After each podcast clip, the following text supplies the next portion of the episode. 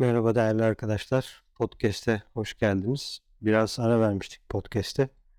Işıl mücevherleri olarak başka videolar ve e, hazırlamıştık. Dolayısıyla bu arada devam eden de bir eğitimimiz var. Ondan da bahsetmek isterim. Teozofi üzerine bir eğitimimiz var. Giriş eğitimi. Eğer ilgilenen arkadaşlar olursa bizde de iletişime geçebilir.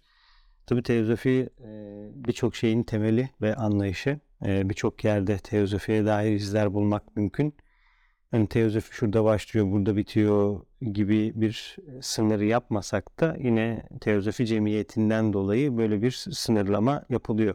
Tabi teozofi cemiyetiyle teozofi aynı şey diyemeyiz ama çok bağlantılı. Çünkü onlar biraz daha derleyip toplayıp bir e, standart halinde bizde paylaşıyor. Onlar dediğimde Mahatmaların Blavatsky ile birlikte çalışması ve bazı teozofistlerle Mahatmaların mektuplaşması, yazışması. E, zaten Mahatma mektupları da Türkiye'de yayınlandı. E, tam çevirisi yapıldığını emin değilim, öyle diyeyim. E, çünkü bazı mektupları görememiştim orada. Eski bir çalışma ama yine de Mahatmaların e, anlayışına dair bize fikirler veriyor. Evet yani bu tarz şeyleri e, eğitimimizde konuşacağız. Ama tabii ki giriş seviyesi bir eğitim. Teozofi çok katmanlı ve çok derin bir konu.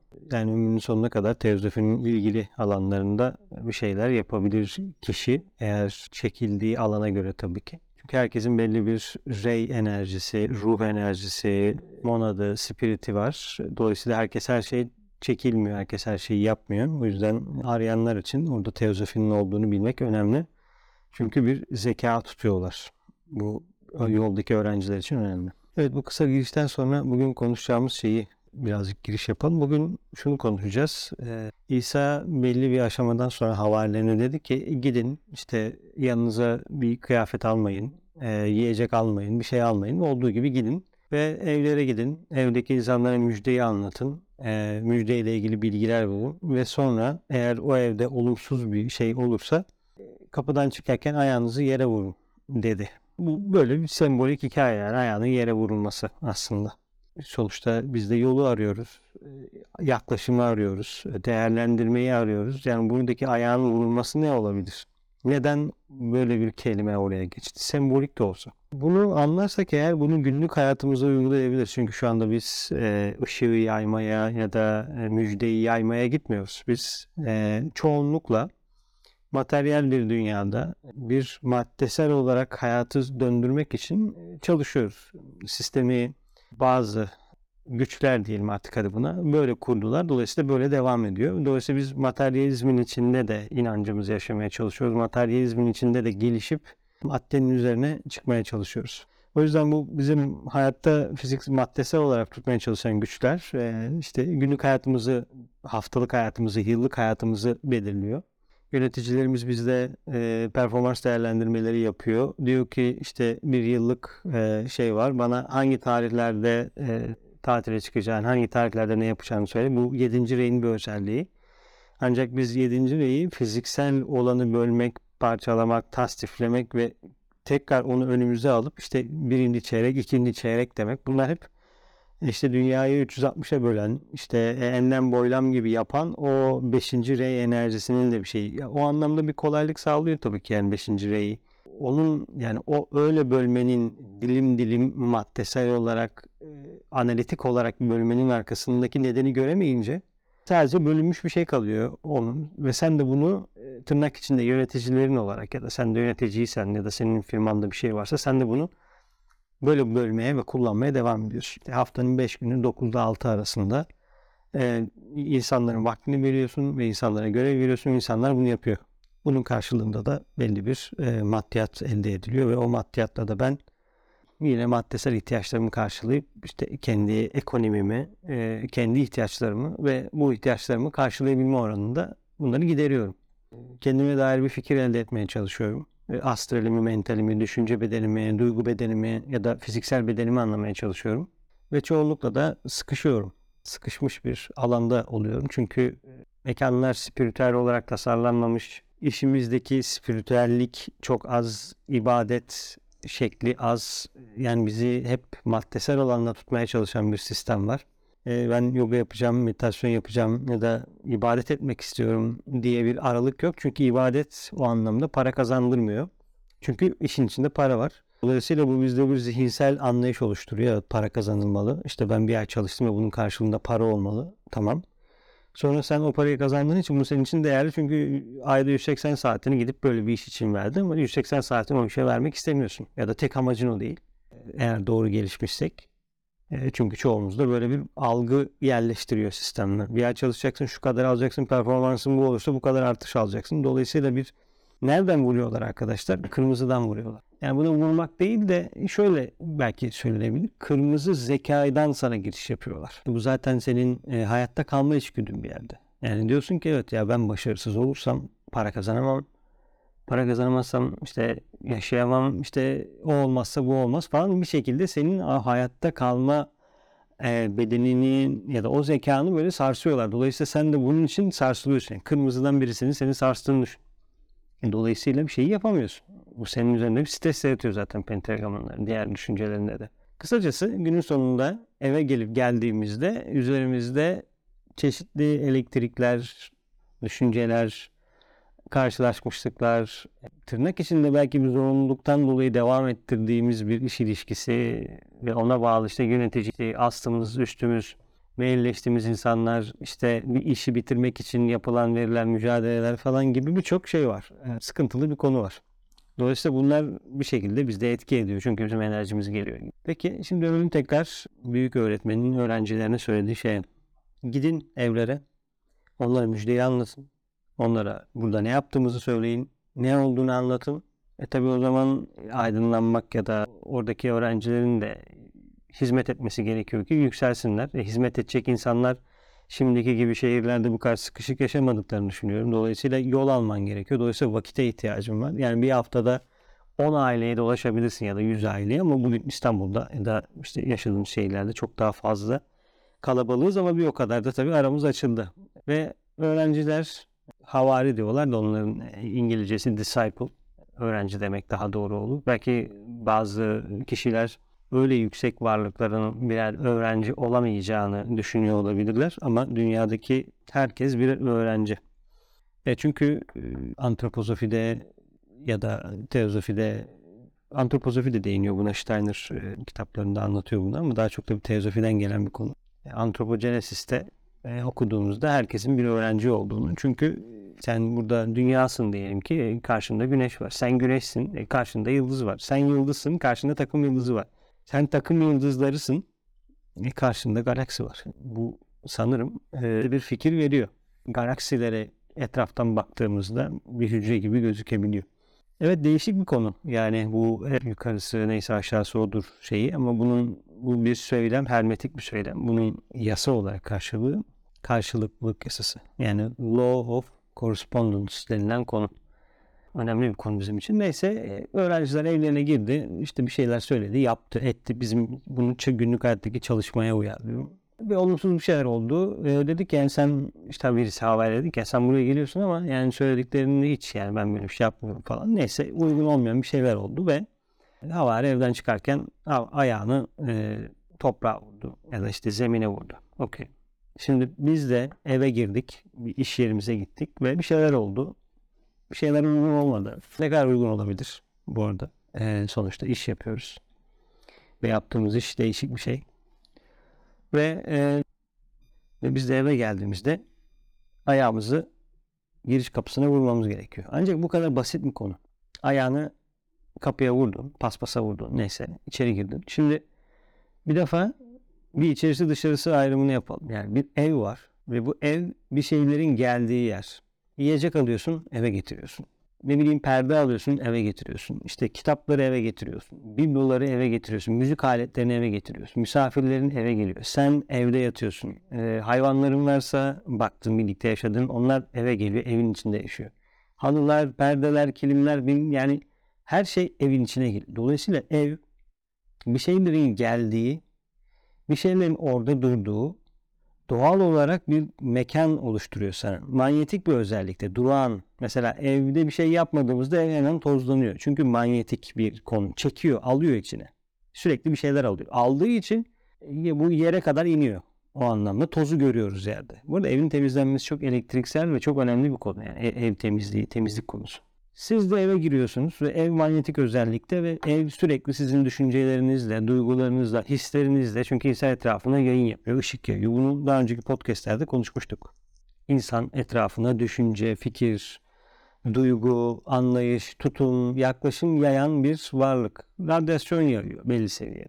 Radyoaktif his yani o anlamda radyoaktif olmayı başarmışız. Artık etrafımıza bir şeyler yayabiliyoruz bağlantılarımıza göre, connectionlarımıza göre yani. Eve geldin. Evin içinde bir ekoloji var. Çünkü sen o evde diyelim ki sürekli maneviyat çalışıyorsun. Gece kalkıyorsun, dua ediyorsun. Sabah işe gitmeden meditasyon yapıyorsun. Evde mantralar çalıyor. işte çanlı evini temizliyorsun. Spreyle temizliyorsun. Evdeki fazlalıkları atıyorsun. Evin ekolojisi güzel bir ekoloji. Ev bol bol hava alıyor, prana alıyor, güneş alıyor falan. Böyle bir ev. Bu ev yüksek bir ev. Yani bakıldığında bir şeyler yükseğe doğru gidiyor en azından. Sen dışarıdan getirdiğin şeyi evin içine getirmek istemiyorsun çünkü orada özel bir şey var. Peki ne yapacaksın? Sorumuz bu. Yani ayağımızı toprağa mı vuralım? Çünkü bu yolda ilerleyen ve artık belli seviyede bir gelişme gösteren ya da gelişme göstermek isteyen bir öğrenci için bir sorun bu. Yani çünkü dışarı çıkıyorsun, insanların arasına karışıyorsun ve eve geliyorsun. Eve getirdiğin şey senin için bir sorun olmalı. Eve öyle giriyorsan evin içindekileri karşılayamıyorsun bu sefer de. Çünkü evin içinde bir şeyler var. Evin içinde ne var? Senin biriktirdiğin ve tekrarlı yaptığın şeylerden dolayı görünmeyen dünyanın bir karşılığı var. Evinde eğer özel bir bölge varsa o bölgede olanlar var. Bitkilerin var, çiçeklerin var, hayvanların var ve bu varlıklar bir şey yaşıyorsa, yaşamıyorsa da bir yere bağlıdır da hani ortak olsun diye diyorum. Yaşıyorsa muhakkak üzerinde bir prana çalışıyordur belli bir seviyede. Ve bunun bir karşılığı vardır. Eteriktir, astraldir, fizikseldir bir karşılığı vardır muhakkak. İşte bitkilerin ne olduğu belli, hayvanların ne olduğu belli. Dolayısıyla sen eve girdiğinde bir şeyler de seni karşılıyor ama sen üzerinde başka bir şey var. Dolayısıyla üzerindekileri atıp ayağını toprağa vurup üzerindekileri silkip evin içindekileri karşılaman gerekiyor. Çünkü artık senin dışarıyla olan bağın o anlamda bitti. Artık sen günü diyelim ki işte yankı gibi çıktın kırmızı yayıldın yayıldın yayıldın bağ kurdun bağ kurdun gittin geldin mail yazdın otobüse bindin işte metrobüse bindin dolmuşa bindin taksiye bindin gittin ilerledin. Bir yere kadar gittin sonra geri dönüş yolundasın döndün işte taksiyle otobüste ne kullanıyorsan ya da işte skuter gibi ya da ne bileyim ee, bir şeyle eve döndün. Dolayısıyla bir şeyleri topladın karşılaşmalar yaşadın anlayışlar yaşadın bazı zekalarla bir araya geldin e, bazı insanlarla bir araya geldin. Onların düşüncelerini duydun, hareketlerini gördün, bir şeyler getirdin. Artık sabah çıktığın gibi değilsin. Yani dolusun. Bir anlamda şarj edilmişsin. Eve geldin. Tamam bunları eve bırakacaksın ama bunları eve bırakmadan evdekileri alman gerekiyor. Çünkü senin için artık başka bir aşama başlıyor. Belki evde akşam dersin var. Belki ders dinleyeceksin ya da ders vereceksin. Ya da o gün özel bir ekoloji yaratmak istiyorsun evde. Diyelim ki o gün Mars'la ilgili bir şey var. Diyorsun ki işte Mars ve Venüs e, buluşması var. Ya da işte Plüto Plüto'yu hissediyorum. İşte savaş çıktı bir yerler yıkılacak. Örnek veriyorum. İşte Plüto ve Satürn'ü hissediyorum. E, ben bu iki gezegenle yaklaşmak istiyorum. Anlamak istiyorum onların ne olduğunu. Nasıl anlayacaksın? Gidip bir şeyler okudun. Okudun bu genelde beyaz enerji. Aldın okudun. Ne yani? Ne oldu? Bir fikir elde ettin ama o kadar.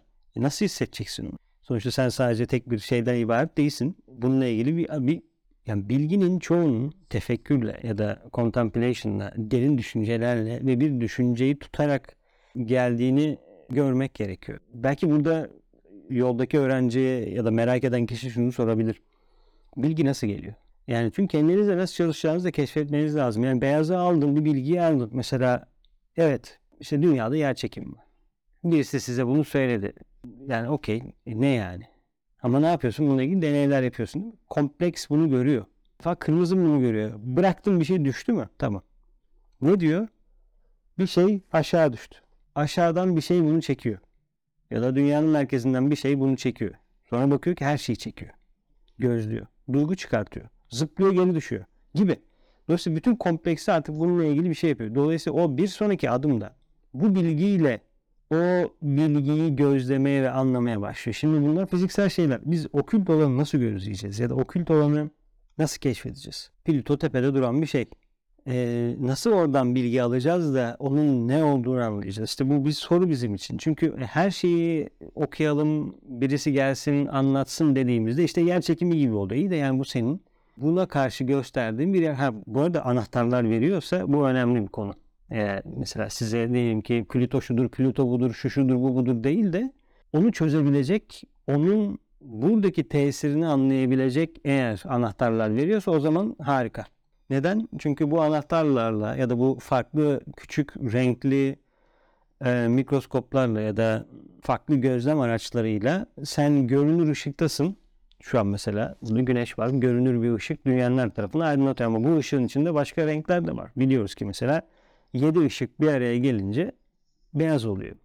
Ben nasıl olur da bu beyazın içinden kırmızıyı ayırabilir? Nasıl olur da bu anın içinden Plüto'yu ayırabilirim diyorsak işte o zaman o kişilerin bize verdiği anahtarları kullanmamız gerekiyor. Eğer bu anahtarlar ezoterikse, okültse hala bunu alalım, gözleyelim, değerlendirelim. O zaman doğru kaynağı ya da doğru anahtarların bizde olması lazım. Bunu diyebiliriz. Anahtarlar bizde olsa da ben tefekkür ya da contemplation içinde olmalıyım.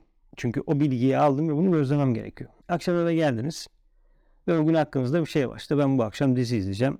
E, yemek yiyeceğim. Diziden sonra bir saat işte bir şeyler yazacağım. Biraz meditasyon yapacağım.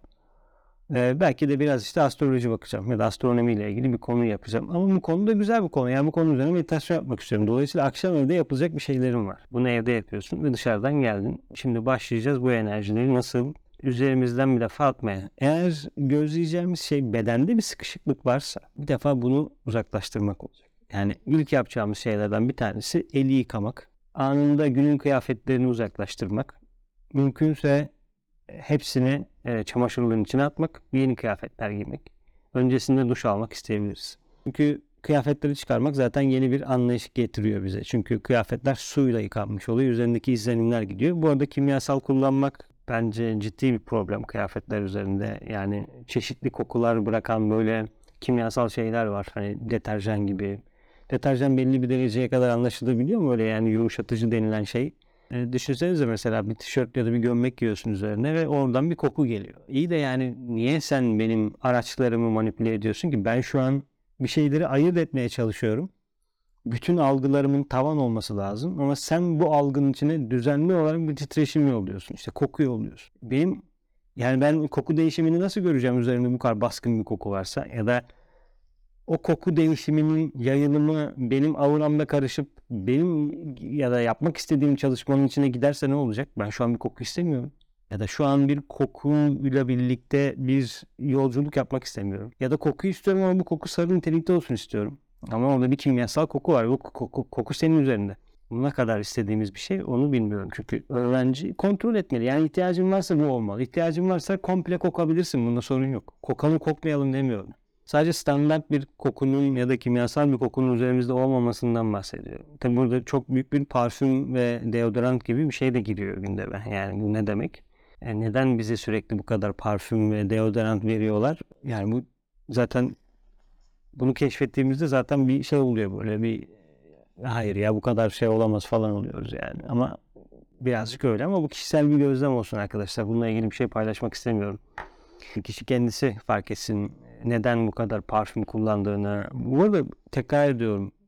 Yani yap yapma diye bir şey söz konusu değil. Parfüm kullanabiliriz. Kokabiliriz. E, o gün bir gündür ve bir şey gözleyeceksindir. Dersin ki ben bugün hanımeli kokmak istiyorum. Ben bugün Yasemin kokusu yaymak istiyorum. İşte ben bugün işte orman kokuları yaymak istiyorum. Üzerimde biraz misk olsun istiyorum. İşte biraz amber olsun istiyorum. Belki işte birazcık günlük kokmak istiyorum diyebiliriz. Bu bir gözlem olabilir. Sonra günlerin işte gezegenleri belli ama gezegenlerin geçtiği saatler belli. İşte yani günlük hayatı nasıl okült olarak bölebilirim, yaşayabilirim, titreşimleri anlayabilirim için kendinize böyle bir şey yapabilirsiniz. Benim dediğim bunun kullanımının nedeninin bulunması. Yani evet ben e, şundan şundan dolayı ama onun yerine ikame başka bir şey koyabilirsin. Mesela karbonat diye inanılmaz bir şeyimiz var. Yani amaç kokmamaksa yani ter kokmamaksa ki bu doğru bir amaç kişi bunu söyleyebilir. Yani evet ben ter kopmak istemiyorum diyebilir. Çünkü insanlara rahatsızlık vermek istemiyorum diyebilir. Doğru. Bunun için başka bir şey kullanabilir. Daha doğal bir şey kullanabilir. Burada yani doğal derken de ayrı bir böyle pazar oluşturalım demiyorum. Yani çünkü zaten onun bir pazarı var. Organik istiyorsan organik pazarı var. Doğal istiyorsan doğalın pazarı var. Ama buradaki neden bizim için önemli? Öğrenci bir fikir bulmalı. Bir nedenle bunu yapmalı. Bunu tercih etmeli. Neden böyle bir şey istiyorsun? Bu kadar. Bu cevap hangi cevap geçerli hangi cevap geçersiz diye bir şey de diyemeyiz. İşte güzel olmak için koku yapıyorum. Yani böyle bir cevap olmazsa hayır. Yani kişi o, o an o cevap veriyorsa hiç sorun yok. O cevabı verebilir tabii ki. Sadece biz otomatik yapmamaya gayret edelim ve sistemin bizim üzerimize verdiği, dayattığı düşünceleri de görelim. Yani güzel kokmak zorunda mıyım? Kokmak zorunda mıyım? Nasıl kokmalıyım? Bu öğrencinin e, yolda ilerleyen şeylerinden bir tanesi olmalı. Eve geldik, e, duş aldık olabildiğince hızlı bir şekilde. Duştayken yere oturup yani yere yaklaşıp suyun üzerimizden gelmesini sağlayabiliriz. Yani su üzerimizden geldiğinde çünkü hani ellerimizi açtığımızda bir alan var ya etrafımızda işte ne kadar bir buçuk metre mi? Ne kadar oluyor? Herhalde bir buçuk metrelik bir alan var diyelim e, şimdi. Bu el alanımızın üzerinden gelmesi sanki böyle suyun üzerinden gelip o bütün düşünceleri, bütün etrafımızda yapan şeyleri, başkalarının düşünce formlarını bizim üzerimizden inmesine neden olur. Çünkü e, birine mail yazmışızdır. O mail ona dokunmuştur ve bizle ilgili düşünce üretiyordur iki saat boyunca. Ya bu adam da böyle şöyle şunu yaptı bunu yaptı diye bu, bu sana geliyor bir şekilde. Bunu uzaklaştırman gerekiyor alanından ki senin düşüncelerin olsun. Yani bizim işimiz belli. Ben akşam çalışma yapacağım. Evime geliyorum ve bu düşünceler. Başka bir düşünce istemiyorum. Başka bir düşünce alanında olmasın. E, dolayısıyla o düşünceleri uzaklaştırman gerekiyor. Ya da yapman gerekiyor. Bu arada da güzel bir anahtar yani yakma anahtarı. Çünkü yaktığın an işler değişiyor. Ama bir suyu kullanalım. Girdik duş aldık. Beden zaten sudan dolayı bir gevşedi. Ee, ve etrafımızda gelen suları işte biraz yukarıdan da geldi. İmajinasyon yapabilirsiniz. Bir varsa yapacağınız imajinasyon çalışması yapabilirsiniz. Sonra gelip birazcık bedeni esnetmek gerekiyor. Yani çünkü beden bir şeyleri sıkıştı, aldı. Biz fark etmeden konu düşünceden duyguya geçti. Duygudan kaslara geçti. Kaslar işte hareket etti, sıkıldı. Kemikler üzerinde bir etki yarattı. O bizde bir anlayış yarattı. Onun yarattığı anlayış düş, duygu oluşturdu bizde. O duyguya kızdık, sinir olduk, terledik, ter çıktı vücudumuzdan. Çünkü sıcaklığımız değişti. Sıcaklığı dengelemek için işte mavi sistem devreye girdi. Sonra başka bir düşünce geldi. İşte biz o düşünceden düşünceyi hareket ettirdik. Ne yaptık mesela hareket ettirdik derken? Sert bir mail yazdık.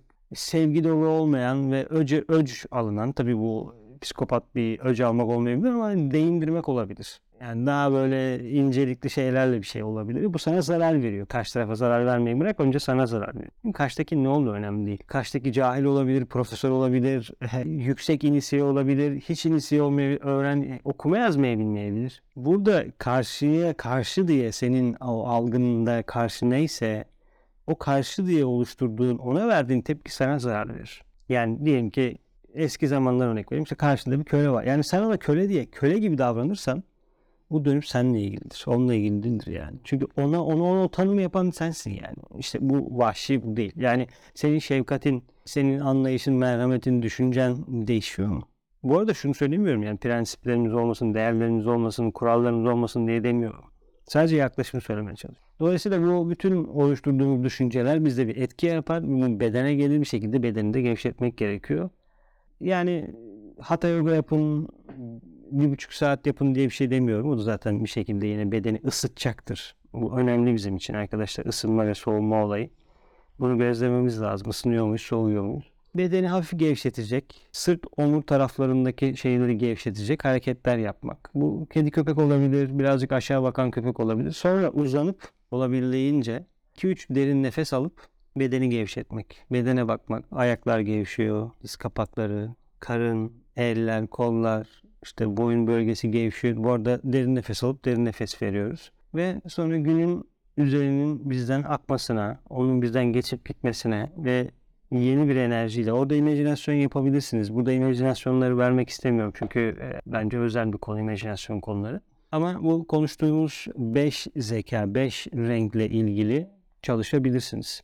Yani çünkü sen günlük hayata hazırlanırken aynı şekilde günlük hayatta bu zekalar da bir şeyler öğreniyor. Sen seninle birlikte gelişiyorlar, görüyorlar, anlıyorlar. Dolayısıyla bunları bırakmak, yeşil bir alanın içine girmek, yeşil bir alanda olmak ve o alanda 3-4 nefes almak. Sonra sarıya girmek ve sarıda 3-4 nefes almak. Sonra mavi bir alana girmek. Mavi bir bulut olabilir, mavi bir oda olabilir. Mavi ile gökyüzünde nefes alıyor olabilirsin. Yeşilde mesela ormanda nefes alıyor olabilirsin. Sarı istiyorsan çölün ortasında alabilirsin. Kendini görselleştirme anlamında kullanmak için. 3-4 nefes sarıda alıyorsun ve sarıda o nefesi veriyorsun. Sonra kendini maviden sonra mavi gökyüzünden denizin altı olabilir. Yani maviyi nasıl görebileceğinize dair fikir vermek için söylüyorum. Sonra kırmızı bir gül bahçesindesin. Kıpkırmızı güller var ve orada nefes alıyorsun ve veriyorsun. En son bembeyaz bir yerdesin. Bulutlardasın. işte karla kaplı bir yerdesin. Çünkü beyin o görüntüyü size getirir ve orada kal. Yani o beyazı hisset beyazdan. 3-4 nefes al ver istediğin kadar kal. Burada 3-4 nefes diyorum da ikişer dakikadan 10 dakikada kalabilirsin. Eve gel bunu yap. Birazcık uzan. Orada yani bir 5-10 dakikada kestirebilirsin. Çünkü beden orada kendini ani bir resetlemeye gidebiliyor. Güzel bir şey oluyor bu arada. Sonra kalk evin içindeki günü karşıla. Bu arkadaşlar yarım saat süren bir şey en fazla. Geldin, duş aldın, birazcık hareket yaptın, beden gevşedi, işte esnettin, kasların arası açıldı ve sonra gelip 5 zekayla birkaç nefes alıp 5 dakikadan 10 dakika, 15 dakikaya kadar yapmak yani yarım saatte olabilir bir sınır koymuyorum oraya tabii ki. Sonra kalkıp gülümseyerek bir sonraki ev oktavına başlamak çalışmanız neyse. Bu bizim için önemli. Günü dışarıda bırakıyoruz. Zekayı resetliyoruz olabildiğince. Nefes alıyoruz orada kalıyoruz ve bir sonraki ana başlıyoruz. Podcast'imiz bu kadardı değerli arkadaşlar. Teşekkür ediyorum. Görüşmek üzere.